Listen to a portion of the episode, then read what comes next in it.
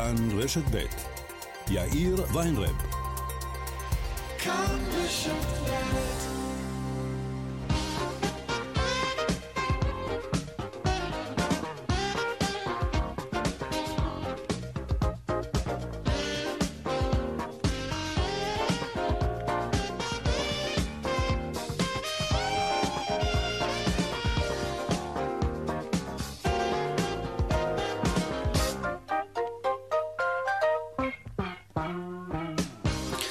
קצת אחרי ארבע ועוד חמש דקות, כאן צבע הכסף ברשת ב' יום ראשון, שלום רב לכם, שבוע טוב, העורך רונן פולק, בהפקה קובי זרח.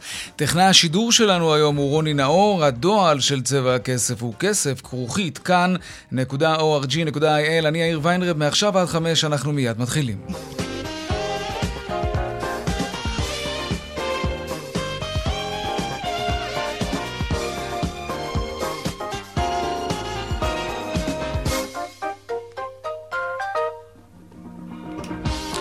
כותרות צבא הכסף אה, ליום ראשון, הסתיימה השביתה האיטלקית של טייסי אל על והטייסים חתמו על הסכם חדש עם ההנהלה, המשמעות היא דרמטית בעבור הנוסעים כמובן. קודם כל, סוף סוף לא יודיעו להם ברגע האחרון על ביטול טיסה, מיד אנחנו נתעדכן על כך.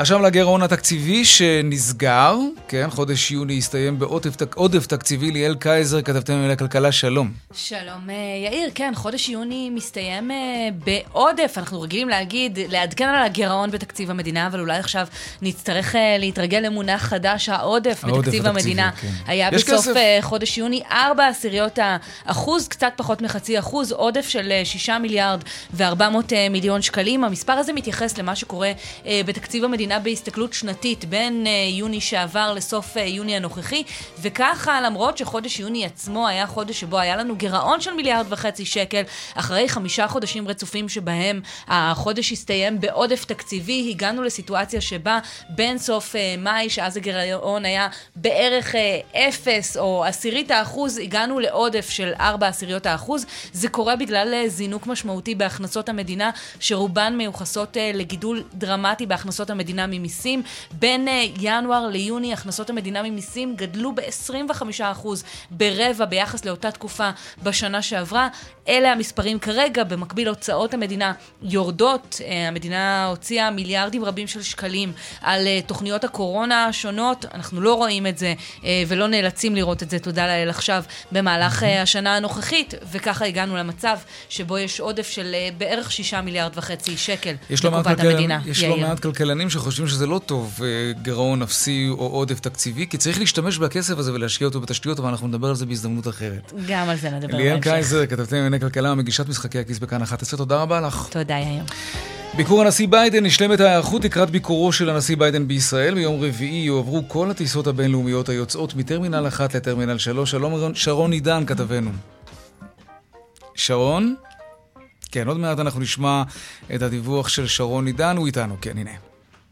שלום אה, יאיר, ביום אה, רביעי וחמישי ביקורו של נשיא ארה"ב ביידן כאן בישראל ויהיו גם שינויים בנתב"ג. קודם כל ברשות שדות התעופה קוראים לכל מי שאמורים להגיע לטוס בימים האלה אה, להעדיף תחבורה ציבורית, עדיף רכבת ישראל ובכל מקרה להשתדל לא להגיע עם הרכב הפרטי. עיקר השינויים זה בטרמינל אחת, טרמינל אחת בעצם יעבור להיות בעיקר כל מה שקשור לפמליות ולמטוסים שיגיעו עם נשיא ארה"ב ולכן מי שאמורים היו לטוס מיום רביעי mm-hmm. באחת בלילה, כלומר בחיבור בין שלישי לרביעי ובמהלך רביעי ובמהלך חמישי מטרמינל אחת, גם אם זה כתוב להם בכרטיס הטיסה, הם צריכים להגיע לטרמינל שלוש, כלומר גם חברות הלואו-קוסט שממריאות בימים האלה מטרמינל אחת יצאו משלוש, זה אומר שמי שאמור לטוס גם בריינאייר ובאיזי ג'ט ובחברות רבות שמפעילות כאן אה, קווים אה, לישראל, אז זה יהיה מטרמינל שלוש ולא מטרמינל אחת. אני מזכיר שכל הנחיתות בישראל הן כרגיל בטרמינל 3. טרמינל 1 למעשה יפעל באופן מאוד מאוד חלקי למעט מאוד טיסות פנים, שכן יצאו מחלק מסוים מהטרמינל עצמו, אבל למעשה כמעט כל התעבורה האווירית עוברת לטרמינל 3 בימים רביעי וחמישי, ושוב נחזור, זה מאחת בלילה של יום רביעי, mm-hmm. כלומר החיבור בין שלישי לרביעי, כן. מהלך רביעי ומהלך חמישי, שום. ומהלך כל אה, סוף השבוע, רק ביום ראשון, 17 אה, ביולי, כן. יחזור טרמינל 1 לשרת את מי שיוצאים כן. לחו"ל. עד אז ומאמצע השבוע, טרמינל 3. יאיר. תודה רבה. שרון עידן, כתבנו לענייני תעופה ותיירות, והביקור הזה צפוי להשפיע גם על מה שקורה בתנועה, תנועת הכבישים. מפכ"ל אה, המשטרה אישר אה, הבוקר את התוכנית לביקורו של נשיא ארה"ב ביידן. יש לתוכנית הזאת אפילו שם, למבצע הזה, מגן כחול 3. 16 אלף שוטרים השתתפו במבצע הזה. משה שטיינמיץ כתבנו לענייני משטרה, שלום. כן, יאיר, מפכ"ל המשטרה רב ניצב יעקב שבתאי אישר הבוקר את התוכניות המבצעיות למגן כחול 3, מבצע ביקורו של נשיא ארצות הברית בישראל מיום רביעי השבוע. ביקורו של הנשיא בחוף, בבסיס פלמחים ככל הנראה יבוטל, מה שבעצם יקל על אה, אזרחי ישראל וימנע סגירות כבישים רבות. מה מתוכנן מבחינת סגירות כבישים?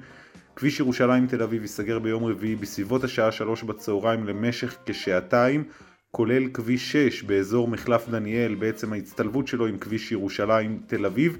נציין שכאשר הנשיא יחזור לנתב"ג מבית לחם ביום שישי, הוא יעשה זאת בטיסה במסוק, וכך כביש ירושלים תל אביב לא ייסגר, במשטרה העדיפו כי גם, לירוש... כי גם הנסיעה לירושלים תהיה במסוק, אבל האמריקנים עצמם הם שהחליטו כי את הדרך לירושלים יעשה ביידן במכונית, בעצם בשיירה הנשיאותית.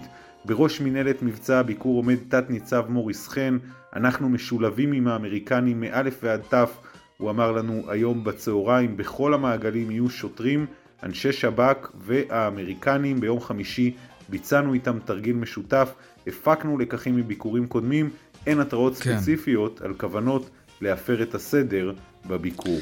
תודה רבה, משה שטיינמיץ. בנמל התעופה בן גוריון נחתה הבוקר התיירת המיליון לשנת 2022. איזה כיף, זה קורה ארבעה חודשים אחרי פתיחת השמיים והסרת כל הגבלות הקורונה. במשרד התיירות אומרים כי ניכרת ההתאוששות, התאוששות של ממש בתיירות הנכנסת לישראל. מספר כניסות התיירים נמצא במגמת עלייה ועמד על 244,500 בחודש יוני האחרון. זאת עדיין ירידה, למרות המספר המרשים, ירידה של 33% ביחס ליוני 2019, שהיה חודש שיא בתוך שנת שיא בתיירות, לפני הקורונה זה היה כמובן. באירוע קבלת הפנים לתיירת המיליון, בירך אותה שר התיירות רזבוזוב. מדובר בלינדה דה סויו למרסלו, בת 53 ואזרחית איחוד האמירויות. הנה כך זה נשמע שם היום. ואני שוב מברך את בלינדה.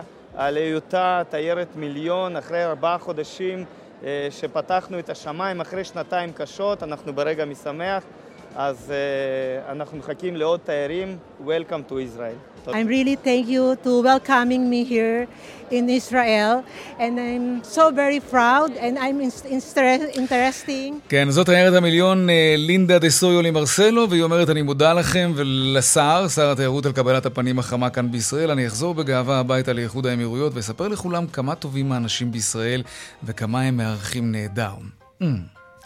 ועוד בצבע הכסף בהמשך נדבר על גל ההתייקרויות, הלחם, הביצים ומה עוד צפוי להתייקר, והדיווח משוקי הכספים לקראת סוף השעה כרגיל. אלה הכותרות כאן צבע הכסף, אנחנו מיד ממשיכים.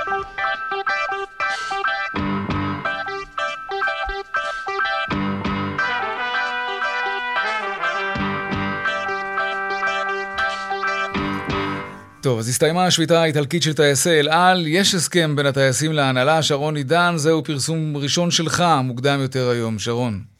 כן, נכון, תראה, עד עכשיו בעצם, אה, אתה יודע... שרון? איטלקית. כן, משהו בקליטה, בוא ננסה לשפר את זה. האם עכשיו יותר טוב? כן, הרבה יותר טוב.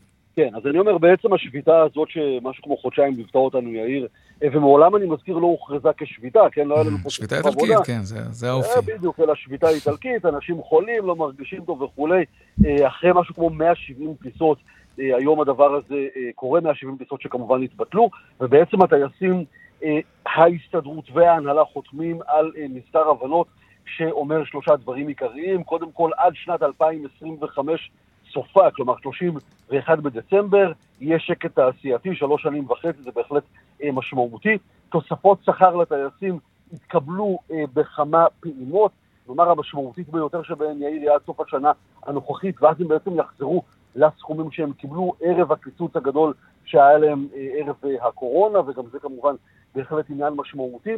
היה עניין של יחידת מיקוח עצמאית, הטייסים דרשו בעצם להיות ועד נפרד משאר הוועדים באל על, הם אמרו אנחנו בעצם צריכים להיות ועד ספציפי כתוצאה מזה שיש לנו בעצם סוג אחר לחלוטין של עבודה. כאן בעצם לא הגיעו לעמק השווה עם ההסתדרות, בסופו של דבר הטייסים אה, יאלצו להישאר מבחינתם בוועד הרגיל עם שאר עובדי החברה, כלומר עובדי המנהלה והמכונאים והתחזוקה וכיוצאים אה, באלו אחרים, ובסופו של דבר אה, הם בעצם יחזרו לעבודה אה, כמו שהיה עד אה, עכשיו, ב, אה, אה, עד לפני משהו כמו אה, חודשיים, זה בהחלט הייתי אומר אה, היה משהו שמאוד העיק על הנהלת חברת אל על, אני מזכיר שכל ביטול כזה, אה, כמובן, חוץ מהפגיעה הקשה מאוד באמון של הנוסעים, היוותה סכומים מאוד מאוד גדולים של כסף, וחלק מהערכות, כמעט מיליון שקל לכל טיסה שבוטלה, אבל אם אנחנו מסתכלים על הבורסה לניירות ערך, בהחלט הייתי אומר שההסכם הזה מתקבל באהדה. כן. 6-10% עלייה במניית חברת אל על בשעתיים האחרונות, ובואו נקווה שבאמת יישמר שם השקט התעשייתי, אחרי נזקים גדולים מאוד שהיו בחברה, כאמור, בחודשים האחרונים. בטח בקיץ, כן. ברור. שרון עידן, תודה רבה. תודה. עכשיו לגל ההתייקרויות במשק, מאפיית אנג'ל הודיעה לרשתות השיווק שהיא מתכוונת להעלות את המחירים של מוצרי הלחם שאינם בפיקוח בשיעור של 8 עד 12 אחוזים. והם לא היחידים, ממש לא. שלום דנה ארקצי, כתבתנו לענייני כלכלה. שלום יאיר, נכון. כן. אה, אז אה, אנג'ל הולכת בעקבות אה, מאפיית ברמן הגדולה, שכבר הודיעה על העלאת המחירים בשיעור של 8%, וזאת לנוכח התנגדותה של שרת הכלכלה לחתום על צו, עדכון צו מחירים למוצרים המפוקחים, לאחר שוועדת המחירים המליצה להעלות את, מחירי הלחם המפוקחים בשל עליית התשומות. אה, אף אה, שר לא רוצה לחתום אה, על צו שכזה במיוחד לפני בחירות. הנה המאפיות גם הגישו עתירה לבג"ץ על העניין הזה, וכעת שולחים לרשתות המזון עדכון על כך שהם שולחים מחירונים חדשים. והמחירים יעלו בשיעור של בין 8% ל-12% החל מה-24 אה, לחודש אה, יולי בשל אה, עליית אה, התשומות. זה מה שהם אה, אומרים. ממאפיית האנג'ל לא מסרו תגובה. הדבר הזה גם נמשך uh, בחברת ההפצה דיפלומט, אם אתה זוכר את mm-hmm. סערת uh, הפסטה נכון. של אוסם. אז הם הבטיחו שהם לא יעלו, שהם כן, עוד ועוד חברות uh, הודיעו על העלאות מחירים, נהייתה סערה ציבורית, הם uh, התקפלו, אמרו שהם דוחים את עליית המחירים הזאת, והנה uh, הם כבר פנו לרשתות המזון, אמרו שביום רביעי הקרוב הם ישלחו עדכון, uh, ישלחו uh, מחירונים חדשים, עדיין לא אמרו uh, מה, מה יכלול uh, העדכון מחירים הזה. הזה, אבל ברשתות uh, המזון והשיווק מחכים למחירונים חדשים, שככל הנראה יכללו עליות uh, מחירים. הם מוסרים לנו היום שלמרות שבתחילת שנת 2022 ספקים אחדים העלו לנו את המחירים, דחינו את עליית המחירים על ידינו, אך עקב התייקרויות משמעותיות בתשומות העולמיות mm-hmm. והמשך העלאות המחירים הגלובליות המשפיעות גם עלינו, נאלצנו להתאים את מחירנו בהמשך. ניאלץ להתאים את מחירינו כן. בהמשך. הם כמובן אומרים שיום רביעי זה לא אה, המועד אה, שהם קבעו, כפי שאנחנו דיווחנו. בכל זאת, אם הודיעו לרשתות המזון על קבלת מחירונים ביום בקרוב. רביעי, זה יהיה בקרוב. כן, דנה ירקצי, כתבתנו לענייני כלכלה, תודה רבה. תודה. ריבית עכשיו, אנחנו כבר uh, בעידן אחר, כן? שלוש העלאות ריבית מאחורינו, ועוד היד נטויה. שלום, דוקטור רון תומר, נשיא התעשיינים. שלום יאיר. אתה מודאג, ספר לנו למה. כן, כי בעצם, אמנם בכל textbook כתוב שכשיש אינפלציה צריך לעלות ריבית, mm-hmm. הנשק האוטומטי. זאת המשוואה, כן. בעניין הזה. אבל צריך להבין את התופעות לוואי של הנשק הזה. התופעות לוואי של הנשק הזה זה מיתון למשק, זה פגיעה בעיקר בשכבות החלשות ובעסקים החלשים שיש להם היום חובות לבנקים והלוואות והריבית עולה. והבעיה היא לא רק בגובה הריבית כמו בקצב ההתייקרויות, רבע אחוז ועוד חצי אחוז, אם מדברים איתנו על עוד פעמיים חצי אחוז, ששום עסק שעשה תוכנית כלכלית או עסקית שלו לא צפה את זה בתזרים ויכול ליצור בעיה. עכשיו, נשאלת השאלה, אם אין ברירה, אז אין ברירה. אבל אני טוען, ולא רק אני, שיש ברירה, והטקסטבוק במקרה הזה אה, לא מדייק, מכיוון שמדובר היום באינפלציה שונה מהאינפלציה הקלאסית שאנחנו מכירים. היא אינפלציה אקסוגנית. דיברתם קודם על התייקרויות המחירים שנובעות בעיקר מהתייקרויות חומרי גלם. ולכן אנחנו לא נדע להשפיע פה על התייקרות חומרי הגלם. וגם אם הריבית תמתן ביקושים, עדיין בהינתן עלייה של חומרי גלם, יש חשש שזה בעצם הנשק הפעם לא יעבוד. ומכיוון... אבל זה עובד, אנחנו רואים את זה, תסתכל למשל על, על מחירי הדיור. אנחנו כבר רואים שיש ירידה דרמטית בביקוש למשכנתאות, והמחירים כבר בחלק מהמקומות, אנחנו רואים בלימה בעלייה המטורפת שהייתה. תראה, זה, זה תחום שמאוד מטריד אותנו וזה עובד. דיברתי על המגרש שלי בתחום התעשייה, אבל גם הדיור צריך לחשוב על דבר אחד. כן, בסופו של יום הדרך האמיתית לפתור את הבעיה בדיור היא על ידי נשיקה ההיצע. לתת הרבה יותר היצע. כי בעצם כשאתה מעלה ריבית, אולי אתה מוריד משקאות חדשות, אבל אתה יוצר צרה מאוד גדולה לנוטלי המשקאות הקיימות היום ולתיקי המשכנתאות של הבנקים. ולכן אני רוצה לבוא ולומר שאפשר, ובסוף יכול להיות שאיך אומרים, עם פטיש חמש קילו, אנחנו נהרוג את החרק שהולך על השולחן ונשבור את השולחן. וזו, וזו עיקר הבעיה שלי. אז מה, אתה אומר לנגיד בנק ישראל, אתה לא יודע מה אתה עושה, תעצור, לא, לא, אתה לא, תכניס לא, את כולנו למיתון? זה בעצם מה שאתה אומר. לא, לא, תראה, אני אומר נגיד ישראל שהוא משתמש בנשק, שהוא הנשק הקלאסי, שהוא לא מתאים למקרה הזה לטעמי, הוא עושה מה שעושים כל, ה... מה שעושים כל הנגידים בעולם, אבל מצבנו, יאיר, שונה מעולם, הוא שונה בשני דברים. קודם כל, האינפלציה בישראל נמוכה בחצי מבכל העולם. אנחנו על 4, 4.5 אחוז, שבכל העולם כבר מדברים על 10 אחוז, מה שאומר שיש לנו קצת אורך רוח. עכשיו, תזכור עוד דבר, כיוון שלפחות בתחום הסחורות עיקר הבעיה הוא בחומרי גלם, ובתחום האנרגיה, ושניהם לא בשליטה של הביקושים המקומיים, יכול להיות שדווקא הצעדים שהנגידים עושים בעולם, בארצות הברית ובאירופה, שם כן מעלים באגרסיבית את הריבית, יעשו את העבודה בשבילנו. ואז אנחנו יכולים ליהנות מהעלאת הריבית אצלם, mm-hmm. שתגרום להם נזק מקומי, מבלי לגרום, שם, כאילו, במדינות כן. בחו"ל, תראה, בארצות מבלי לגרום מדבר... נזק מקומי פה בארץ. בארצות הברית כבר מדברים על ירידת, ירידת ריבית, כי הם כבר שוקעים לתוך איזשהו משהו שמרגיש כמו מיתון. אבל מצד שני אנחנו לא רואים עצירה של האינפלציה שם, ולכן כן. זה בדיוק העניין. העלו ריבית. עכשיו, עוד דבר, אסור לנו גם להשתמש בנשק הריבית כרכבת הרים. אתה לא יכול לעלות, להוריד, לעלות, להוריד. זה יוצר פה אי-ודאות וזה פוגע לא מעט דווקא במי שבד לק לקח הלוואה כאשר הריבית הייתה גבוהה. לכן אנחנו צריכים יציבות במשק. ומה שאני אומר, הכלכלה הישראלית במצב טוב. שמעתם על האין גירעון רק בתחילת התוכנית. שמעתם על הכנסות המדינה הגדלות. שמעתם על האינפלציה כן, אבל הכל מתייקר, וזה נכון שזו התייקרות שהיא מיובאת מחוץ אבל, לארץ. אבל, אבל, אבל רגע, רגע, אבל בכיר בבנק ישראל שראיינו אותו לפני שבוע, נדמה לי, אמר משהו מעניין, הוא אמר, תראה, גם אנחנו מאותתים לבעלי הדירות, אנחנו מאותתים לבעלי עסקים, שיחשבו פעמיים לפני שהם מעלים מחירים, כי כוח הקנייה של הציבור נפגע, גם ככה כי הריבית עולה, ויציבות מחירים זה יעד חשוב מאוד. הם, הם אחראים על מה שיקרה במשק באופן, אתה יודע, בראיית מקרו, ולאו לא דווקא בפריזמה של התעשיינים, שהיא פריזמה אדירה וחשובה, אני לא חלילה לא, לא, ממעיט. זה לא רק, רק התעשיינים, גם הציבור, אבל כבר אני קודם אענה לתשובה ואז אני אסביר גם לציבור. כן. זה נכון, ולכן הטקסטבוק אומר, תעלה ריבית, זה באמת יעשה עצירה, אבל מכיוון שכאן לצערי, אני אומר עוד פעם, אני מקווה שנוכל, וכל עסק שיעשה את שיקוליו, ואני קורא לכולם להשתדל או לא לעלות, ואם נאלצים לעלות למינימום האפשרי, אבל במקרה, רוב המקרים עליות המחירים בכלל לא נובעות מנושא של ביקוש. כי כשעולה לך החיטה בעשרות אחוזים, אז אתה מבין שבסופו של יום, לא משנה אם יקנו יותר או פחות לחם, ההשפעה של זה שולית לעומת התייקרות עצומה. כשעולה לך האנרגיה, החשמל והדלק והמים בעקבותיהם עולים לך בצורה דרמטית, זה משפיע הרבה יותר מאשר הם יקנו עוד חמישה אחוז מוצר או פחות. ולכן הטקסטבוק לא עובד. אבל גם מה הבעיה? מצד אחד, התייקרות המחירים היא קשה, ובאמת זה, זה, זה, זה צרה על הציבור. אבל תחשוב על אותו ציבור שיש לו אוברדרפט, או יש לו משכנתא, ופתאום הוא גם צריך לשלם לא, לא, ברור, בעיה. וגם יותר על המוצרים. כן. אז בתקופה הזאת יש לנו אפקט כפול. וכל מה שאני אומר לנגיד בנק ישראל, סך הכל הוא הוכיח את עצמו לעילא ולעילא בכל תקופת הקורונה ולחשוב מחוץ לקופסה. hold your horses. אני חושב שגם פה כן. צריך לקחת את הסיכון. העולם מטפל באינפלציה העולמית כי מצבו חמור יותר בשבילנו. כנראה העלאות הריבית הגדולות בעולם ימתנו בסוף את מחירי חומרי הגלם. בואו נהנה מזה מבלי לפגוע באזרחי ישראל. אוקיי. ובעסקים, זה טוב, מה שאני אומר. אה, לסיום, אני רוצה לשאול אותך, איפה עומדת היוזמה שלכם כבר אה, כמה? ארבעה סבבים של בחירות, עכשיו הסבב החמישי, לבטל את אה, יום השבתון היקר והמזיק הזה לעסקים?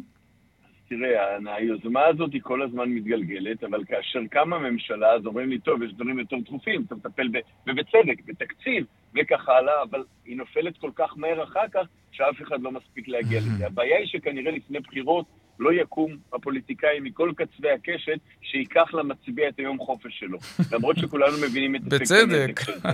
אה, לא, אתה יודע, זה בצדק. לא, זהו, אני אומר בצדק בחוויה, כן, למרות שאנחנו עיתונאים עובדים ביום הבחירות, כפול. אבל תבין על העסקים, תבין על העסקים כמה זה עולה להם וכמה הם מדממים. ודרך אגב, כשאנחנו מדברים על יוקר, בסוף, שהרבה דברים עולים לך יותר, כולל ימי שבתון, כולל, אתה צריך לשלם 200 אחוז שכר, כולל כל הדברים האלה, כן. בסוף זה מתגלגל איפשהו. אבל, אבל כן. לצערי, אני אומר עוד פעם, ניסינו גם להניע את זה, זה בלתי אפשרי כרגע.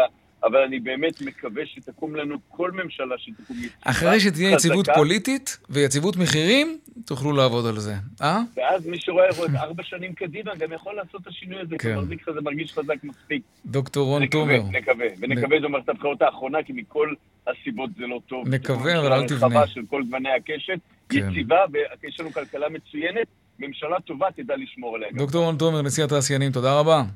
תודה. להתראות. לעניין הבא שלנו, אתם זוכרים, הקורונה פרצה לעולמנו אה, בכמה אירועים משמעותיים, כשאחד הבולטים שבהם היה באוניית התענוגות אה, בלק דיימונד, ששותקה ובודדה בלב ים בגלל התפרצות של הנגיף הזה בתוך האונייה. אה, תמונות שאי אפשר לשכוח. זה, זה פגע קשה בענף אה, שיט התענוגות. האם גם הוא מתאושש כמו יתר ענפי התיירות הקיץ הזה? השמיים מלאים במטוסים, מה קורה בים? שלום סימן אה, עובדיה, מנכ"ל ובעלים של קרוז טור, שלום לך. שלום גם לך. מה קורה? ספר לנו.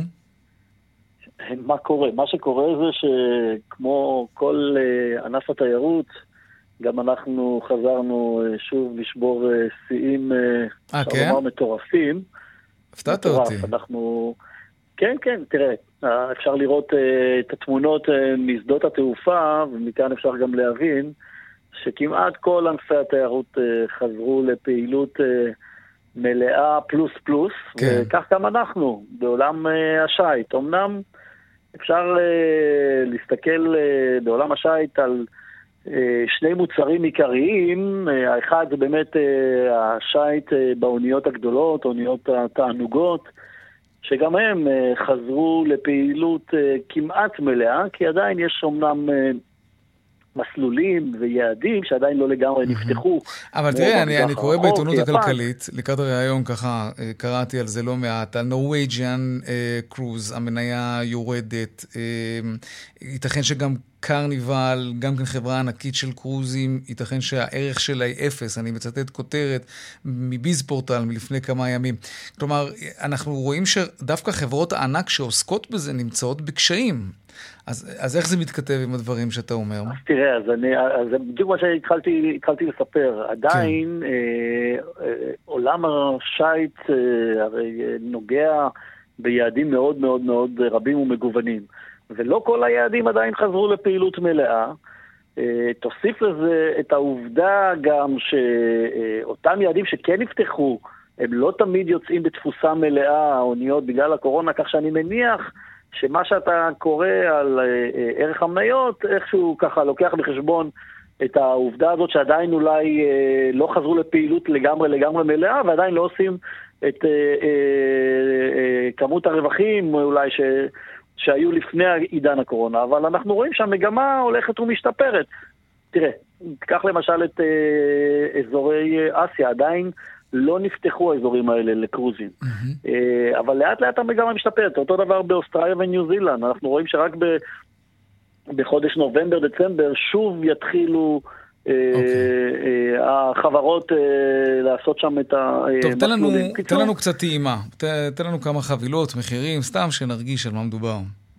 רק לפני כן רציתי רק לומר שיש עוד טרנד מטורף שדווקא הוא צובר תאוצה וגדל בצורה אדירה, ואני מדבר על עוד סגנון של שיט, אבל שיט נהרות באירופה. ספינת נהר של 150 עד 170 איש, בית מלון צף ברמה של חמישה כוכבים, mm-hmm. וזה טרנד שפשוט אה, אה, הפך להיות אה, מבוקש. מה אורכו של אה, בצורה... שייט כזה? כמה ימים?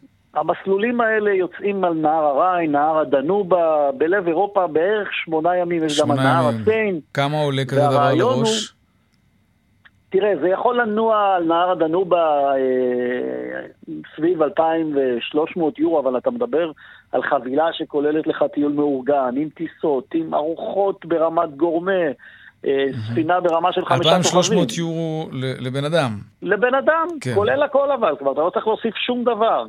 ארוחות, פנסיון מלא. צריך לטוס לשם, אגב, כן.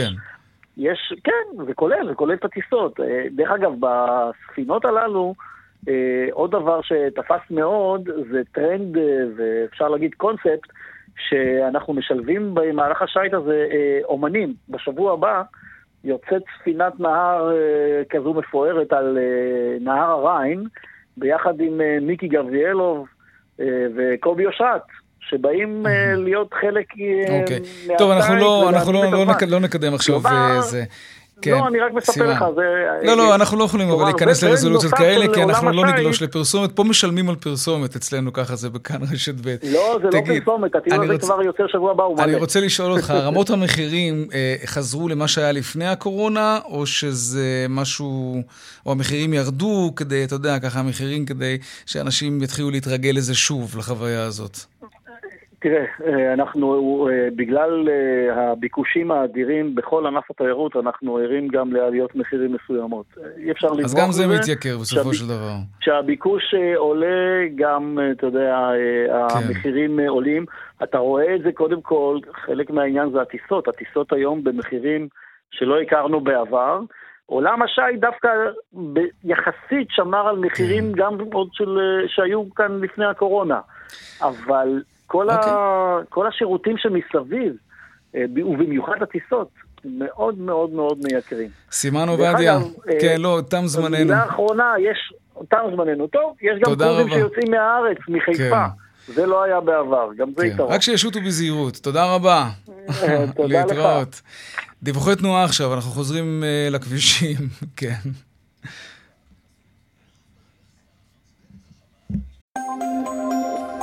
טוב, באיילון דרומה יש עומס ממחלף ההלכה עד לגוארדיה, ובגאה דרומה עמוס ממחלף מורשה עד מסובים. בדרך 85 מזרחה עמוס מנחף עד uh, שזור.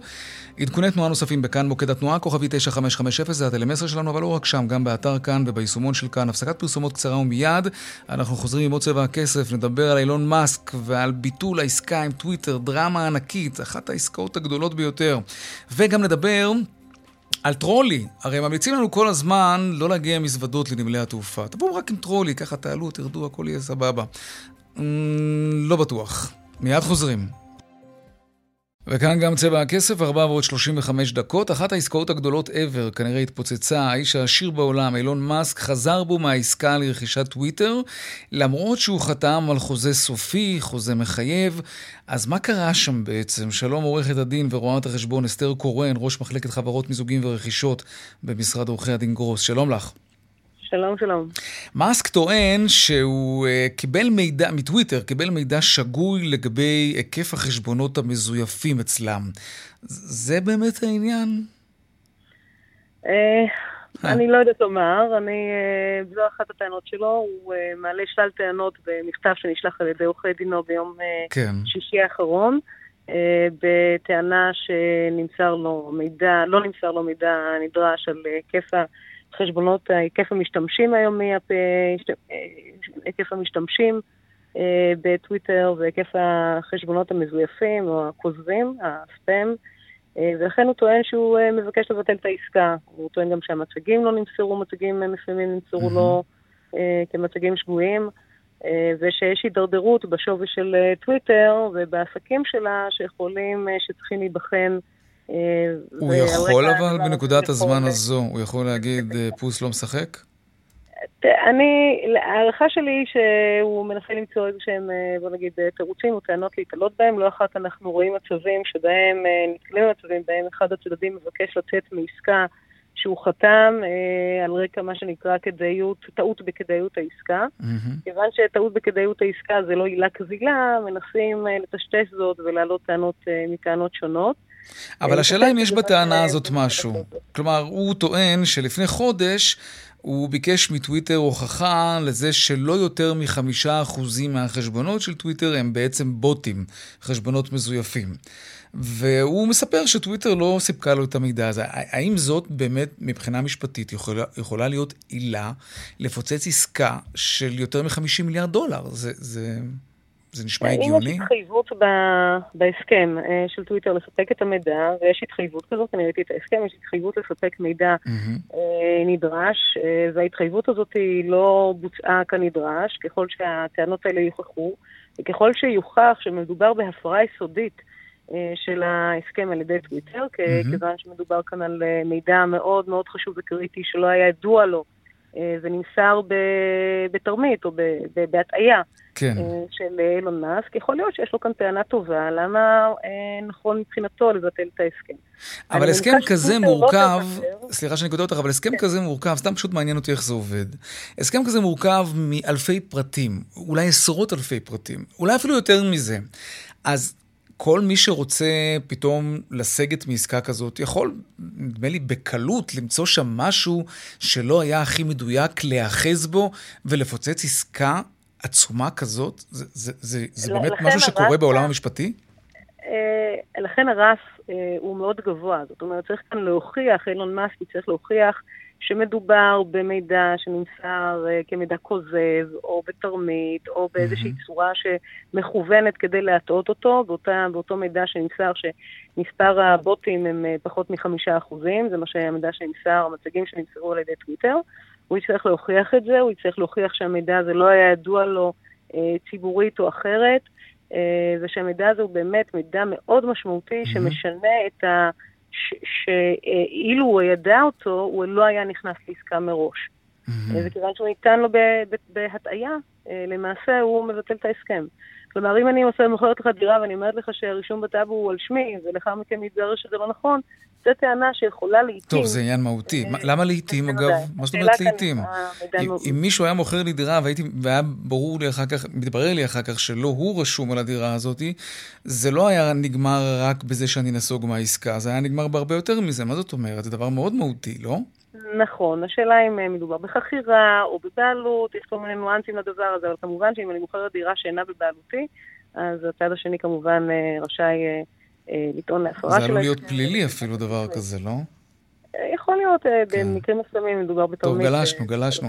תגידי, בזמן החתימה, כבר אז כלכלנים העריכו שמאסק משלם הרבה יותר כסף ממה שטוויטר שווה. כלומר, נדמה לי שכלכלנים העריכו שזה משהו קרוב ל-40% יותר מהערך שלה בשוק ההון. זו חברה נסחרת כמובן. אמ, זה, בהנחה שהייתה לו מחשבה שנייה, שלישית, רביעית, תפס את הראש ואמר, מה עשיתי? זה לא קביל מבחינה משפטית בוודאות, נכון? נכון, זו טענה שאינה קבילה. זה נגעת נסעת מהבחינה הזאת. טעות בכדאיותה של העסקה היא לא, אה, היא לא רלוונטית, היא לא קבילה כטענה אה, של אה, ביטול ההסכם, כיוון שהוא חתם על הסכם, ההסכם הוא הסכם מחייב, mm-hmm. והוא לא יכול לטעון, רגע, אני חושב כרגע אחרת, הוא באמת, העסקה היא על 44 מיליארד דולר, כאשר שווי השוק של הנוכחי של החברה הוא 35, 35 דולר למניה, השווי שבה נערכה העסקה, בוא נעשה, נערכה העסקה הוא 54 דולר למניה.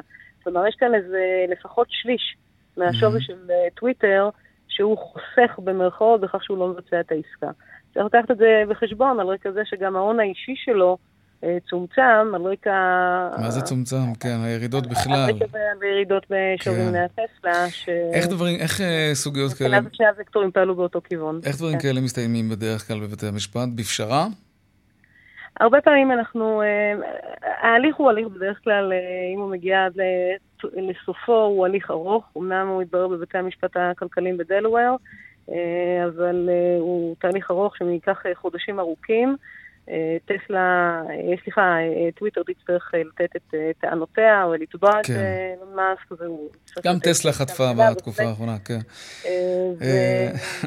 ולכן אה, אנחנו צופים שבסופו של עניין, אה, קודם כל זה יהיה מעניין ללא ספק, ומשפטית זה אחד האירועים המעניינים ביותר אה, שיש לנו. כן. אני צופה שבסופו של יום הדברים יסתיימו בפשרה. אפשר גם לקחת בחשבון את הנזק התדמיתי והמוניטיני גם למאסק, אבל גם לטוויטר. פשרה של מיליארדים, צריך להגיד, זה בטח יהיה, לא? פשרה של מיליארדים, של מיליארדים, יאללה. אפשר לקחת בחשבון שבתוך ההסכם יש סעד של פיצוי מוסכם. של מיליארד דולר, למקרה שהוא, אה, זו התחייבות שלו, כן. של אילון מאסק למקרה שהוא מפר את אוקיי. ההסכם, אני מניחה שטוויטר אה, לא תסתפק בזה. עורכת הדין אה, אסתר קורן, ראש מחלקת החברות מיזוגים ורכישות בגרוס, תודה רבה לך. בבקשה. להתראות, ערב טוב. טוב, עצת הזהב שנותנים לנו בזמן האחרון היא להגיע לנתב"ג עם טרולי. ת, תעלו עם זה למטוס, בלי מזוודות ככה, אתם לא מסתכנים, שלא תקבלו את המזוודה אחר כך, שתנחתו וכולי. האם זה באמת הפתרון? שלום יהודה זעפרני, מנהל תחום תיירות במועדון הצרכנות הוד, שלום לך. שלום וברכה, מה שלומך? גם לך, אני בסדר. תגיד, מה צריך לדעת בכל לא. זאת כשבאים עם טרולי עז? זה לא באמת clear cut הדבר הזה, נכון? לא, לא, לא, ממש לא. אז קודם כל שאלת אם זה הפתרון, לא, זה ממש לא הפתרון. לא? עד כדי כך. לא, כי אתה יודע, זה, זה פתרון, ש... זה המלצה שנותנים כדי, אה, כי, כי המראות שאנחנו רואים מדי שעה, מדי יום, אה, של המזוודות שזרוקות שם בנתב"ג, ומזוודות שהולכות לאיבוד, תראה, זה, זה לעומת 2019, שעדיין לא הגענו לשיא של 2019, אנחנו uh, כמעט פי שלוש יותר בעיבוד מזוודות מ-2019. כלומר, הנושא הזה הוא uh, בעייתי, וזה לא יפתור את הבעיה, אבל זה יקל במעט mm-hmm. את הנושא הזה של ההגעה והצ'ק-אין, אם כמובן ההמלצה העיקרית היא באמת לעשות צ'ק-אין מוקדם, ואם חברות התעופה נותנות לך את זה. והנושא של הטרולי הוא, אה, אתה יודע, יש איתו גם אה, לא מעט מידע שהצרכן הסופי לא בדיוק יודע ומבין. כי האותיות הן נורא קטנות, אני בעצמי נתקלתי בזה. אוקיי. בדיוק, כי היום גם... אתה נכנס להלם פתאום. בדיוק. 40 המודל... יורו, על מה? הנה פה, תראה, כתוב. איזה 40 יורו? 40 יורו זה טוב, יש לך גם 75 יורו. נכון. וזה רק למזוודה אחת, נכון. אחרי שרכשת את הכרטיס ב-19 יורו, כן? דולר, אה, יורו, כן. כן, לא רכשת את הכרטיס ב-19 יורו, אבל, אבל שתי מזוודות הלוך ושוב זה 150 יורו. לא, האמת היא זה לא מצחיק. כאילו, זה קצת מדגדג את בלוטות הצחוק, אבל זה, זה עצוב. זה, זה, זה באמת המודל של הלואו-קוסט שנכנס אלינו, וזה באמת הכניס, באמת, א', תעשייה שלמה. של כל העולם שנקרא טרולי ומזוודות, ואם נעשה קצת סדר, כן. אז באמת רוב רשימת אה, חברות הלואו-קוסט, אה, בעצם מה שהן מרשות זה תיק או מזוודת טרולי בגובה ממוצע שבין 54 ל-56 אה, סנטימטר, mm-hmm. רוחב 36 עד 45, עומק 22 עד 25, ומשקל בין 8 ל-12 קילו. אני מאוד מאוד מבקש מכל הצרכנים שמזמינים טיסה. א', רצוי דרך סוכן נסיעות כדי שיטפל בכם, אם זה באמת לא עולה הרבה יותר.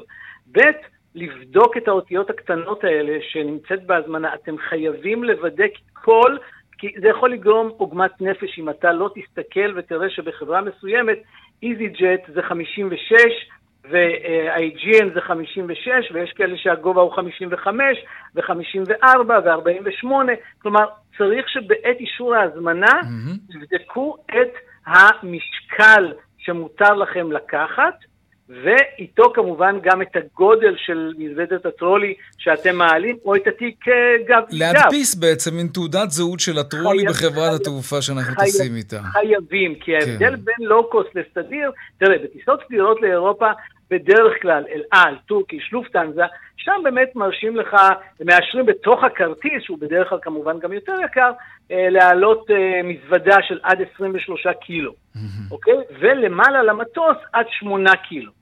גם, תיק מזוודת או טרולי בגובה של 55, רוחב 40, עומק 23 סנטימטר, עד 8 קילו. כלומר, צריך בהחלט בעניין הזה להקפיד, כי זה באמת ימנע עוגמת נפש, כן. כי המראות שאנחנו רואים, תראה, זה לא הפתרון, הפתרון האמיתי זה כוח אדם. זה לא יעזור. Mm, אתה יודע, נכון. היום מישהו זרק את העניין של למה לא לגייס בני נוער. אז ברשות שדה התעופה כנראה מישהו אמר, לא, אנחנו לא מגייסים בני נוער. ואז אני שואל את עצמי, למה? למה בעצם? בגיל 18 אני שולח אותם למות, סליחה על הקיצוניות, חלילה. או, או אה, להחזיק נשק, והם לא יכולים לטפל במזוודות בשדה התעופה, לעשות נכון, סדר? נכון. כאילו, אתה יודע, תגיד, אז זה הבעיה אה, שלנו. אה, חברות תעופה, אה, רונן ואני קראנו את זה היום באיזו רשת חברתית, שאנשים סיפרו שהם, אוקיי, הם הגיעו עם הטרולי, הכל היה בסדר לפי אמות המידה של החברה, mm-hmm. אבל אז אמרו להם, טוב, כולם באו עם טרולי, אין כבר מקום, אתה חייב לשלוח את זה. זה יכול לקרות, נכון? כן, כן, כן, זה יכול לקרות, כי אין חוק שמונע מחברת תעופה להגיד, תשמע, המטוס כנראה, תראה, מה שקרה, אני בדקתי את המקרה הזה, כנראה הם הגיעו ממש בסוף. אז א', ההמלצה היא לא להגיע שבע שעות לפני וגם לא שעה mm-hmm. לפני, כי אין מה לעשות, אתם לא תעלו. אה, וכנראה שבטיסה הספציפית הזאת באמת רוב הנוסעים הגיעו עם טרולי כמו שהמליצו. כן. כלומר, אה, אתה יודע מזה אנחנו למדים שישראלים ממושמעים. בהחלט, וחסכנים. שזה בדיוק, שזה יפה, אתה יודע. כן, יהודה זרפני, מנהל תחום תיירות במועדון הצרכנות הו, תודה רבה לך על השיחה הזאת, ותחשבו פעמיים לפני שאתם יוצאים רק עם טרולי, ואם כבר, אז תכירו את כל הכללים, ואת הגדלים, ואת המשקלים, והכל. צבע, לא, סתם צבע לא קשור. ילך לבלות בקריית שמונה ובגליל. גם טוב. אתה יודע מה? יותר טוב. בטח עכשיו עם התורים האלה בנתב"ג. יהודה, תודה. ביי, תודה לכם. להתראות. עדכוני תנועה עכשיו. בדרך 6 לכיוון צפון יש עומס ממחלף נשרים עד בן שמן, באיילון דרומה יש עומס מההלכה עד לגוארדיה, ובגאה דרומה יש עומס ממחלף מורשה עד מסובים. עדכוני תנועה נוספים בכאן מוקד התנועה כוכבי 9550 זה הטלמסר שלנו, אבל גם באתר כאן וביישומון של כאן. הפסקת פרסומות קצרה ומיד אנחנו חוזרים עם העדכון בשוקי הכספים. 102, 200, take them. העדכון משוקי הכספים, שלום רונן מנחם, כלכלן ראשי מזרחי טפחות, מה שלומך? בסדר גמור, שלום יאיר. היום אה, נרשמו עליות אה, שערים בבורסה של אה, תל אביב, יום ירוק. תל אביב 35 עלה היום באחוז אחד ותשע מאיות, ותל אביב 90 עלה באחוז. בלט לטובה מדד תל אביב נפט וגז שעלה בכשלושה אחוזים. גם למניות הבנקים היה יום יום מוצלח עם עלייה של שני אחוזים ושלוש עשיריות. יצוין אה, כי מניית אל על היום עלתה במעל ל-12% על רקע הצגת ההסכם עם אה, ועד הטייסים. מנגד, ראינו היום ירידות בשוק אה, אגרות החוב. טלבון שקלי ירד 4 עשיריות האחוז, וטלבון צמוד ירד 5 עשיריות האחוז. ולסיום, כרגלנו שוק המטח, שער 50 שקל דולר, 3.48 אגורות בדיוק. ערב טוב. ערב טוב גם לך, רואה מנחם, כלכלן ראשי מזרחי טפחות, תודה.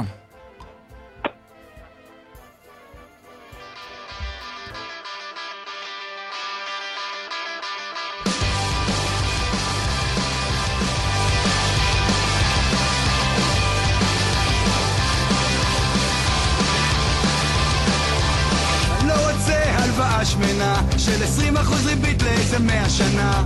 תנאים מצוינים למשכנתה נוחה עם קרן לפנסיה ונקודות יציאה. אני לא רוצה לקבל החלטות לקחת אחריות להתחשב בנסיבות לדעת מה אמרו אתמול בחדשות. אנשים קטנים עם בעיות גדולות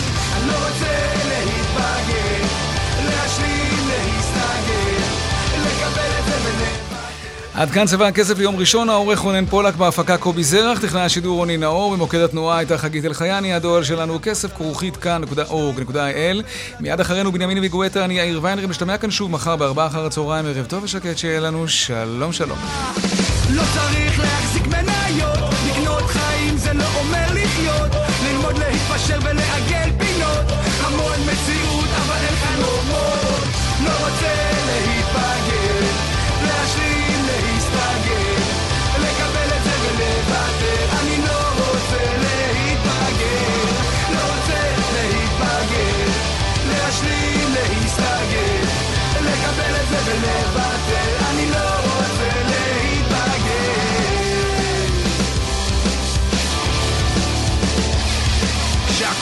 צפוי וגלוי וידוע, ואין יותר סודות, הכל בתוך הריבוע, להיות מכובד, מיושב ורגוע, לשלם את המיסים, לשלם את הביצוע. אני לא רוצה לאבד את זה, ולהפוך להיות אחד כזה, אבל לא קונים אותי כל כך מהר,